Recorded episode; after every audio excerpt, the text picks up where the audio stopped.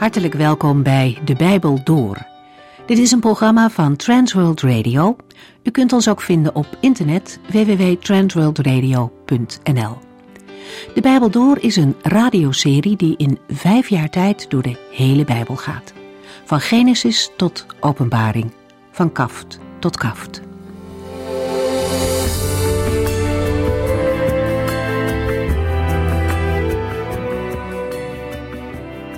Lieve mensen, fijn dat u luistert. We zijn in deze serie toe aan Habakkuk hoofdstuk 3.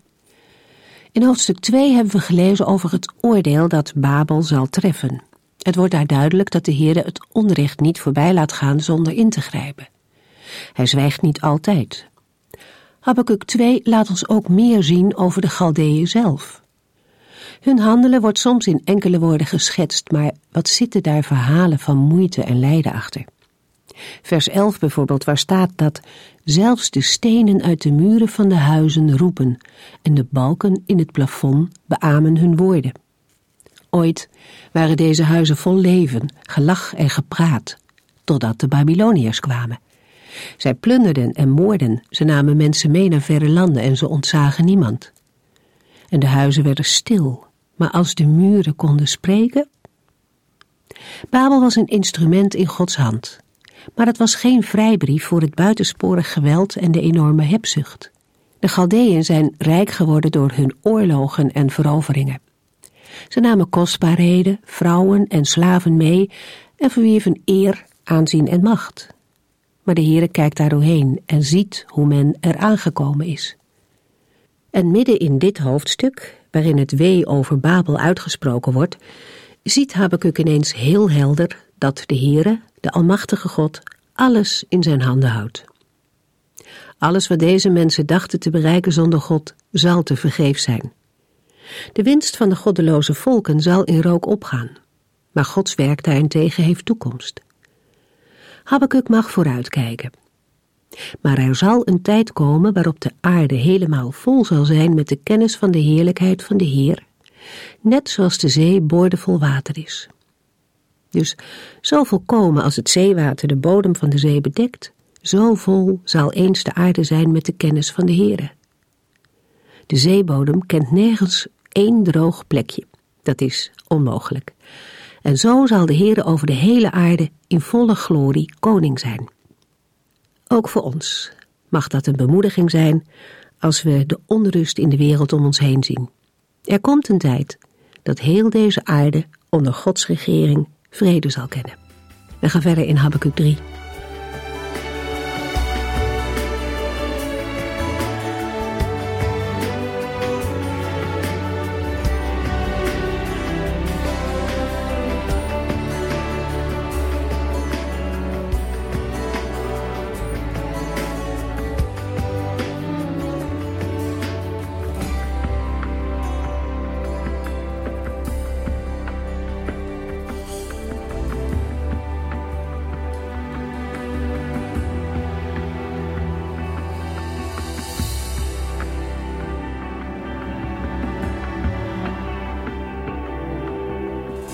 Bij het lezen van Habakkuk 3 komt er bij lezers en bijbeluitleggers direct een vraag bovendrijven. Namelijk, is Habakkuk 3 een gebed, een profetie of een psalm? In ieder geval moeten we Habakkuk 3 als een apart onderdeel van het Bijbelboek Habakkuk lezen, zoals blijkt uit het opschrift in het eerste vers. Habakkuk 3 vers 1 Dit is een gebed van de profeet Habakkuk een lofzang op Gods overwinning. In een andere vertaling lezen we een gebed van Habakkuk de profeet op Shigionot. Om te beginnen lezen we in vers 1 dat Habakkuk 3 een gebed is. Het Hebreeuwse woord geeft aan dat het een klaag- of smeekgebed is. En de inzet in vers 2 is inderdaad een gebed. Maar het is wel het gebed van de profeet Habakkuk. Zo lezen wij vervolgens. En dat betekent op zijn minst dat wij ook Habakkuk 3 moeten zien als een onderdeel van Habakkuk profetische bediening. En dan ook van het Bijbelboek Habakkuk. Het zijn woorden van een mens die woorden van God heeft gehoord en gezien en de opdracht heeft gekregen deze woorden door te geven. Heel nadrukkelijk zegt Habakkuk dat in vers 2. Here, ik heb uw roemruchte daden gehoord. En in vers 16 herhaalt hij dat als een onderstreping dat de versen 3 tot en met 15 de inhoud van de profetische boodschap bevatten. We lezen in vers 16: Ik beefde van angst toen ik dit hoorde. Bij het horen van dit bericht begonnen mijn lippen te trillen. Er was een stem, en de profeet twijfelt er geen moment aan. Dat was de stem van God, en het was Gods bericht dat hij hoorde. De boodschap die Habakkuk hoort, drijft hem uit tot gebed. Het laat opnieuw zien hoezeer de profeet betrokken is geweest bij de boodschap die hij namens de Heere moet brengen aan een volk waar hij zoveel van houdt. Habakkuk geloofde het woord dat hij van de Heere ontving. Een belangrijk punt voor ons. Habakkuk geloofde God op zijn woord, hoe ellendig een ballingschap ook voor veel Israëlieten moet zijn geweest. Maar daarmee is nog niet alles gezegd. Vers 1 maakt ook duidelijk dat Habakkuk 3 deze profetie de vorm heeft van een lofzang, een lied, een psalm. Wij lazen immers in een andere vertaling de woorden Shigionot. De woorden zijn niet gemakkelijk te vertalen. De woorden zouden te maken kunnen hebben met een Akkadisch woord dat klaaglied of smeekgebed betekent. Maar in ieder geval is het een muzikale aanduiding, zoals wij die in de psalmen vaker aantreffen. En dat is een bewijs dat dit gebed, deze profetie van Habakkuk, een plaats heeft gekregen in de godsdienstoefeningen van Israël.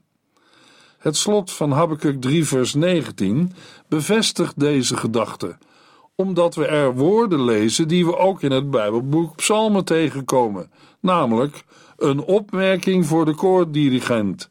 Deze lofzang moet worden begeleid door snaarinstrumenten. Daarmee komen we tot de conclusie dat Habakkuk 3 een gebed is, een profetie en een lied. Dit laatste wordt nog eens nadrukkelijk bevestigd door het woordje Sela, ook een woordje dat we kennen uit de psalmen en we in de Hebreeuwse tekst lezen in de versen 3, 9 en 13. Ook het woordje Zela, door één wel gelezen en door de ander niet, blijft onvertaald, omdat we niet met zekerheid weten wat het betekent. Habakkuk 3 vers 2 Heren, ik heb van uw de daden gehoord en ben met ontzag vervuld voor wat u gaat doen. Laat uw daden herleven in deze tijd. Maak uw kracht openbaar. Al bent u toornig geworden, vergeet niet medelijden te hebben. In vers 2 begint het eigenlijke gebed van Habakkuk. Het is een gebed waartoe de profeet is bewogen door de boodschap van het komen van de Heer om te oordelen. Een boodschap zoals de profeet die heeft mogen ontvangen in hoofdstuk 2. Die boodschap wordt nu, in de versen die we gaan lezen, op een bijzondere manier herhaald, onderstreept en bevestigd. De eerste woorden geven al aan dat er in vers 2 geen sprake meer is van handen wringen en protesten. Habakkuk komt in zijn gebed niet met een heleboel vragen. Er is eerder eerbied en ontzag voor de Heer. De woorden ik ben met ontzag vervuld voor wat u gaat doen laat een mens zien die buigt voor God. Aan het slot van Habakkuk 2 heeft de profeet de hele aarde opgeroepen om te zwijgen voor de majesteit en heiligheid van God. Habakkuk heeft ook zelf leren zwijgen. Hij is met ontzag vervuld voor wat de Heere gaat doen. Daar zit ongetwijfeld iets in van beven van angst en benauwdheid, zoals blijkt uit vers 16. Maar het ontzag voor God spreekt vooral van een diepe eerbied en groot respect voor de Heere. Het is een bewijs dat Habakkuk op zijn plaats is gekomen voor God. Dat gebeurt als een mens in de ontmoeting met de Heere ontdekt wie hij zelf is en wie God is. Daar wordt de echte gelovige omgang met God geboren. Habakkuk heeft geleerd dat de Heere zo heel anders is dan wij mensen vaak denken. Een God van liefde, maar ook een heilige God voor wie de zonde en het onrecht niet kan bestaan, waardoor een zondaar zwijgt omdat hij weet dat de Heere gelijk heeft. Of hij bidt en smeekt, Heere, wees mij zondaar genadig, doe niet met mij naar mijn overtredingen. Juist in deze God vindt Habakkuk een pleitgrond voor zijn gebed en vrijmoedigheid om tot de Heere te gaan. Maar waar vraagt Habakkuk om? Laat uw daden herleven in deze tijd. Maak uw kracht openbaar. Met andere woorden, dat God zijn werk in stand houdt en openbaar maakt. Dat is verrassend. Het zijn dezelfde woorden die wij David horen zeggen in Psalm 138, vers 8. De Heere zal ervoor zorgen dat alles goed voor mij afloopt. Heere, uw goedheid en liefde zijn eeuwig. Laat het werk dat u bent begonnen niet halverwege ophouden. Of, zoals we in een andere vertaling lezen, de Heere zal het voor mij voleindigen. O Heere, uw goede tierenheid is tot in eeuwigheid. Laat niet varen de werken uw handen. Dat is wat de profeet Habakkuk aan de Heere vraagt. Maak uw kracht openbaar. Laat niet varen de werken uw handen. Habakkuk ziet al die verschrikkingen, het oordeel en de gerichten. Ze gaan over de hele aarde. Ze gaan ook niet aan Gods volk voorbij. Dat kan ook niet. Gods berechting kan niet aan Gods volk voorbij gaan, als onder Gods volk hetzelfde onrecht en dezelfde goddeloosheid wordt gevonden als bij de andere volken. Toch blijft onveranderd voor Israël gelden wat de Heer aan Jezaja openbaarde en we in Jezaja 10 vers 21 en 22 lezen. Een restant van hen zal terugkeren naar de machtige God want al waren de Israëlieten zo talrijk als het zand aan het strand van de zee, slechts een klein deel van hen zal op dat moment zijn overgebleven om terug te keren. Uw ondergang staat vast en daaruit vloeit gerechtigheid voort. Ook voor hen die terugkeren geldt dat zij door God zijn uitverkoren om tot zegen voor alle volken te zijn. Die zegen is er in de komst en het werk van Jezus Christus. Het is ook vandaag absoluut zeker dat de goedheid en liefde van de Heere eeuwig zijn en dat God zijn werk dat hij is begonnen niet halverwege laat ophouden. Habakkuk bidt in vers 2: Laat uw daden herleven in deze tijd. Maak uw kracht openbaar. Al bent u toornig geworden, vergeet niet medelijden te hebben. In wezen vraagt Habakkuk aan de Heere God: Heere, zorg voor uw eigen werk. Doet God dat dan niet? Zeker, maar er is zoveel dat zich ertegen verzet. Naar onze menselijke waarneming is er ook vandaag zoveel dat met Gods eigen werk in strijd lijkt. Als we naar het volk Israël kijken, als we naar kerken en gelovigen kijken, en misschien ook wel als we naar ons eigen leven kijken toch zal blijven gelden. Waar de Heere zijn werk begint, maakt hij het ook af.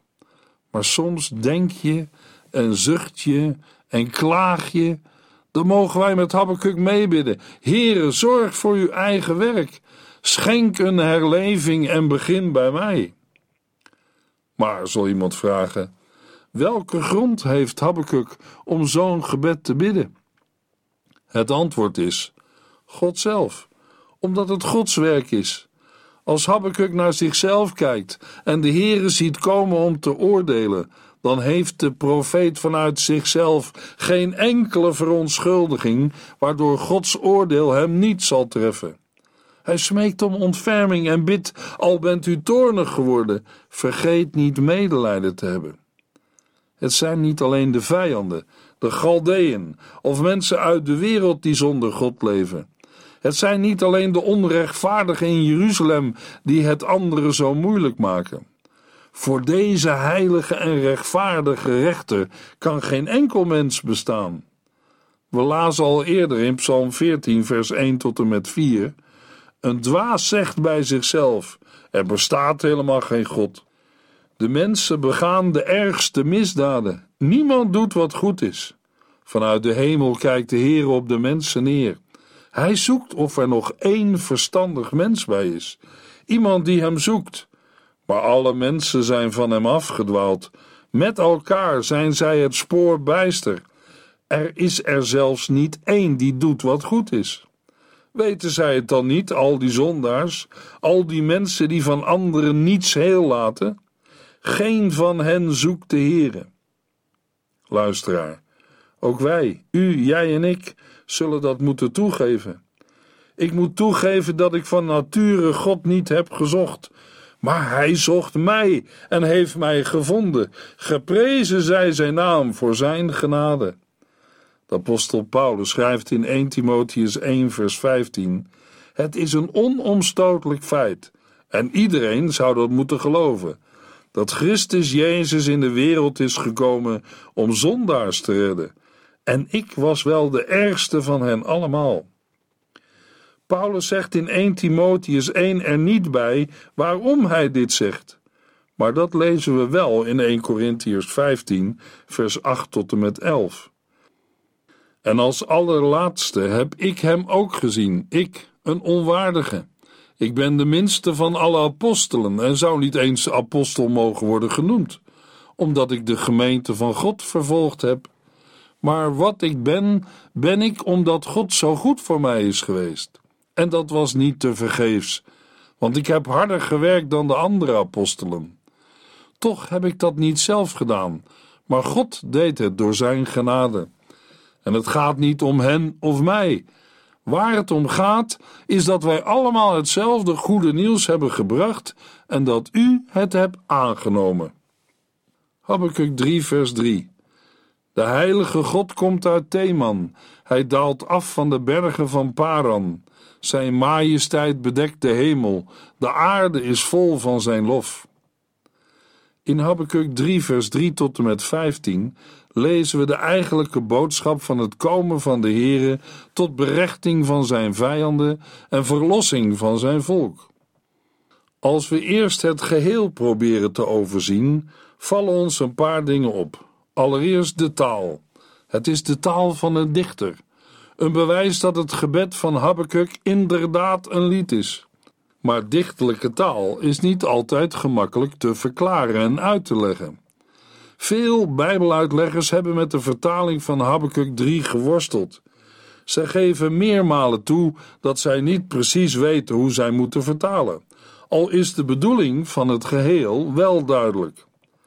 Wat ook opvalt, is dat wij in Habakkuk 3 een heel andere beschrijving vinden van het komen van de Here dan in de voorgaande hoofdstukken of in het Bijbelboek Nahum. Er worden beelden gebruikt voor het komen van God die herinneren aan een eerder komen van God in het verleden. We lezen over bergen die worden verpletterd, stokoude heuvels die met de grond worden gelijkgemaakt, over het water van de zee, en de Heere die op de wolken als op paarden komt aanstormen.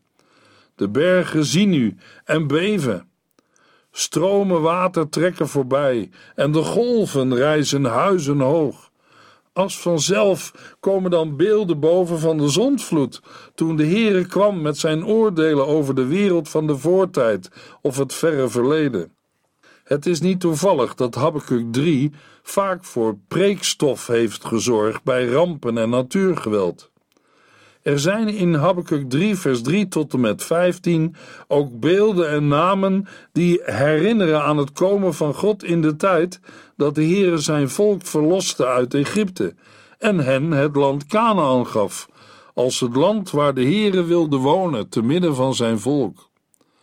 Ook toen sprak de Heere recht over zijn vijanden, Egyptenaren en Canaanieten. We lezen van Gods woede tegen de zee en zijn boosheid tegen de rivieren, die hem en zijn volk als het ware in de weg stonden. Daarbij herinneren wij ons hoe God een pad baande door de Rode Zee en hoe de Heer een weg baande door de Jordaan om zijn volk droogvoets er veilig thuis te brengen. Ook de namen die wij in Habakkuk 3 lezen herinneren aan die tijd en het handelen van God. Want Theman en Paran liggen op de weg waarlangs de Heere vanaf de Sinaï zijn volk naar het beloofde land bracht. De woestijn waar zij doortrokken was het woongebied van de Midianieten. Bij het stilstaan van de zon en de maan denken wij aan wat er gebeurde tijdens de verovering van Canaan onder Jozua. Toen de zon stilstond boven Gibeon en de maan in het dal van Ayalon, als een bewijs dat de Heere voor zijn volk streed. Ook in het lied van Deborah uit het Bijbelboek Rechters wordt gezongen van de verlossing van Israël op een dreigend moment van Israëls geschiedenis. In Habakkuk 3 vinden we woorden terug die we ook lezen in het lied van Deborah. En tenslotte, ook al zijn er nog meer Bijbelteksten aan te wijzen, Psalm 68. Psalm 68 begint met een beschrijving waarin de Heere opstaat tot de strijd. Dan worden de vijanden verstrooid en vluchten haters voor hem weg. De woorden zijn bijna een letterlijke bewerking van een reisgebed van Mozes uit nummer 10, vers 35. We zien in Psalm 68 het beeld dat associaties oproept met een oordeel van God over zijn vijanden. Het lijkt erop dat David in Psalm 68 niet uitsluitend spreekt over een gebeurtenis in het verleden, maar zijn woorden hebben trekken van het laatste oordeel. De goddelozen kunnen niet bestaan als de Heere verschijnt. Letten wij vervolgens op wat de Bijbel zegt over het toekomstige komen van de Heere tot gericht en verlossing, zoals we dat lezen in het Bijbelboek Openbaring, dan zien wij opnieuw lijnen lopen. De paarden die wij in Habakkuk 3 zien rennen, zien we ook weer terug in Openbaring 6. En als in vers 5 gesproken wordt over de pest en de koorts in het gezelschap van de Here, dan doet dat op zijn minst denken aan het fale paard in het gevolg van de ruiter op het witte paard. Ten slotte, ook de zee komen wij in het laatste Bijbelboek weer tegen, als beeld van de volken van de wereld die tegen de Heer en zijn gezalfde opstaan en waaruit duistere machten tevoorschijn komen. Van die zee zegt het slot van Openbaring 21, vers 1: En ook de zee was verdwenen. Maar wat kunnen wij uit al deze dingen leren? Als eerste dat het op grond van de Bijbel een feit is dat de Heere opstaat tot de strijd om zijn vijanden te vernietigen en zijn volk te verlossen. Habakkuk mag de gelovigen in Jeruzalem vertroosten met de boodschap dat God dit alles zal doen, zoals de Heere het in de geschiedenis al zo vaak heeft laten zien. Hij heeft zijn vijanden telkens weer een grens gesteld en gezegd: tot hiertoe en niet verder. Als de Heere dat doet, dan betekent dat ook het einde van de vijanden. En voor ons? Hij zal u kracht geven om vol te houden. De apostel Paulus schrijft in 2 Korintiërs 1, vers 2 tot en met 7: De genade en de vrede van God, onze Vader, en van de Heer Jezus Christus wens ik u toe. Alle eer en lof is voor God, de Vader van onze Heer Jezus Christus en de bron van alle liefdevolle hulp. Hij troost ons en geeft ons nieuwe moed in alle ontberingen en beproevingen. Hij doet dat, opdat wij anderen kunnen troosten en bemoedigen. Hoe meer wij lijden, omdat wij voor Christus leven, des te meer zal Hij ons troosten en bemoedigen. Wanneer wij veel doorstaan, dan is dat om u Gods troost en redding te brengen. Maar God heeft ons in al onze moeilijkheden bijgestaan. En dit is ook ter wille van u, om u uit onze ervaring te verzekeren dat God u zal troosten als u hetzelfde moet doormaken. Hij zal u kracht geven om vol te houden. Als wij vandaag in het Bijbelboek Openbaring lezen over het definitieve komen van de Here tot verlossing en gericht, dan horen wij een boodschap die in principe al eerder in de Bijbel heeft geklonken. Wat de Heere toen met volken, wereldmachten en individuele mensen heeft gedaan, was niets nieuws onder de zon. En als de geschiedenis van de Heere met zijn volk Israël werkelijk geschiedenis is, en dat geloven wij, dan is ook het komen van de Heere op de wolken van de hemel, om te oordelen de levenden en de doden, Gods komen tot gericht en verlossing aan het einde van de geschiedenis, werkelijkheid dan loopt de wereld en ieders leven inderdaad uit op de grote witte troon, waar de Heere al zijn vijanden rechtvaardig zal oordelen, op grond van hun werken, naar wat zij gedaan of nagelaten hebben. En alle die in de Heer Jezus Christus geloven, al zijn uitverkorenen uit Israël en de volken, zullen dan de eeuwige zaligheid beërven. Mogelijk dat iemand verontwaardigd roept: Ja, maar met zo'n boodschap kun je vandaag toch niet meer bij de mensen aankomen? Luisteraar, of dat nu wel of niet kan, is hier niet aan de orde. Op grond van Gods woord kunnen wij niet tot een andere conclusie komen. Gelooft u de Heer op zijn woord? De profeet bidt in Habakkuk 3 vers 2 tot en met 6. Here, ik heb van uw roemruchte daden gehoord en ben met ontzag vervuld voor wat u gaat doen. Laat uw daden herleven in deze tijd. Maak uw kracht openbaar. Al bent u toornig geworden, vergeet niet medelijden te hebben. De heilige God komt uit Theman. Hij daalt af van de bergen van Paran. Zijn majesteit bedekt de hemel. De aarde is vol van zijn lof. Hij schittert als het zonlicht. Uit zijn handen schieten lichtstralen. Daarin is zijn kracht verborgen. Voor hem uit gaat de pest en de koorts volgt hem op de voet. Hij staat en doet de aarde beven. Hij kijkt rond en laat volken opspringen van schrik. Oeroude bergen worden verpletterd. Stokoude heuvels worden met de grond gelijk gemaakt. Zijn eeuwige kracht blijft onveranderd. In de volgende uitzending lezen we Habakkuk 3, vers 7 tot en met 19.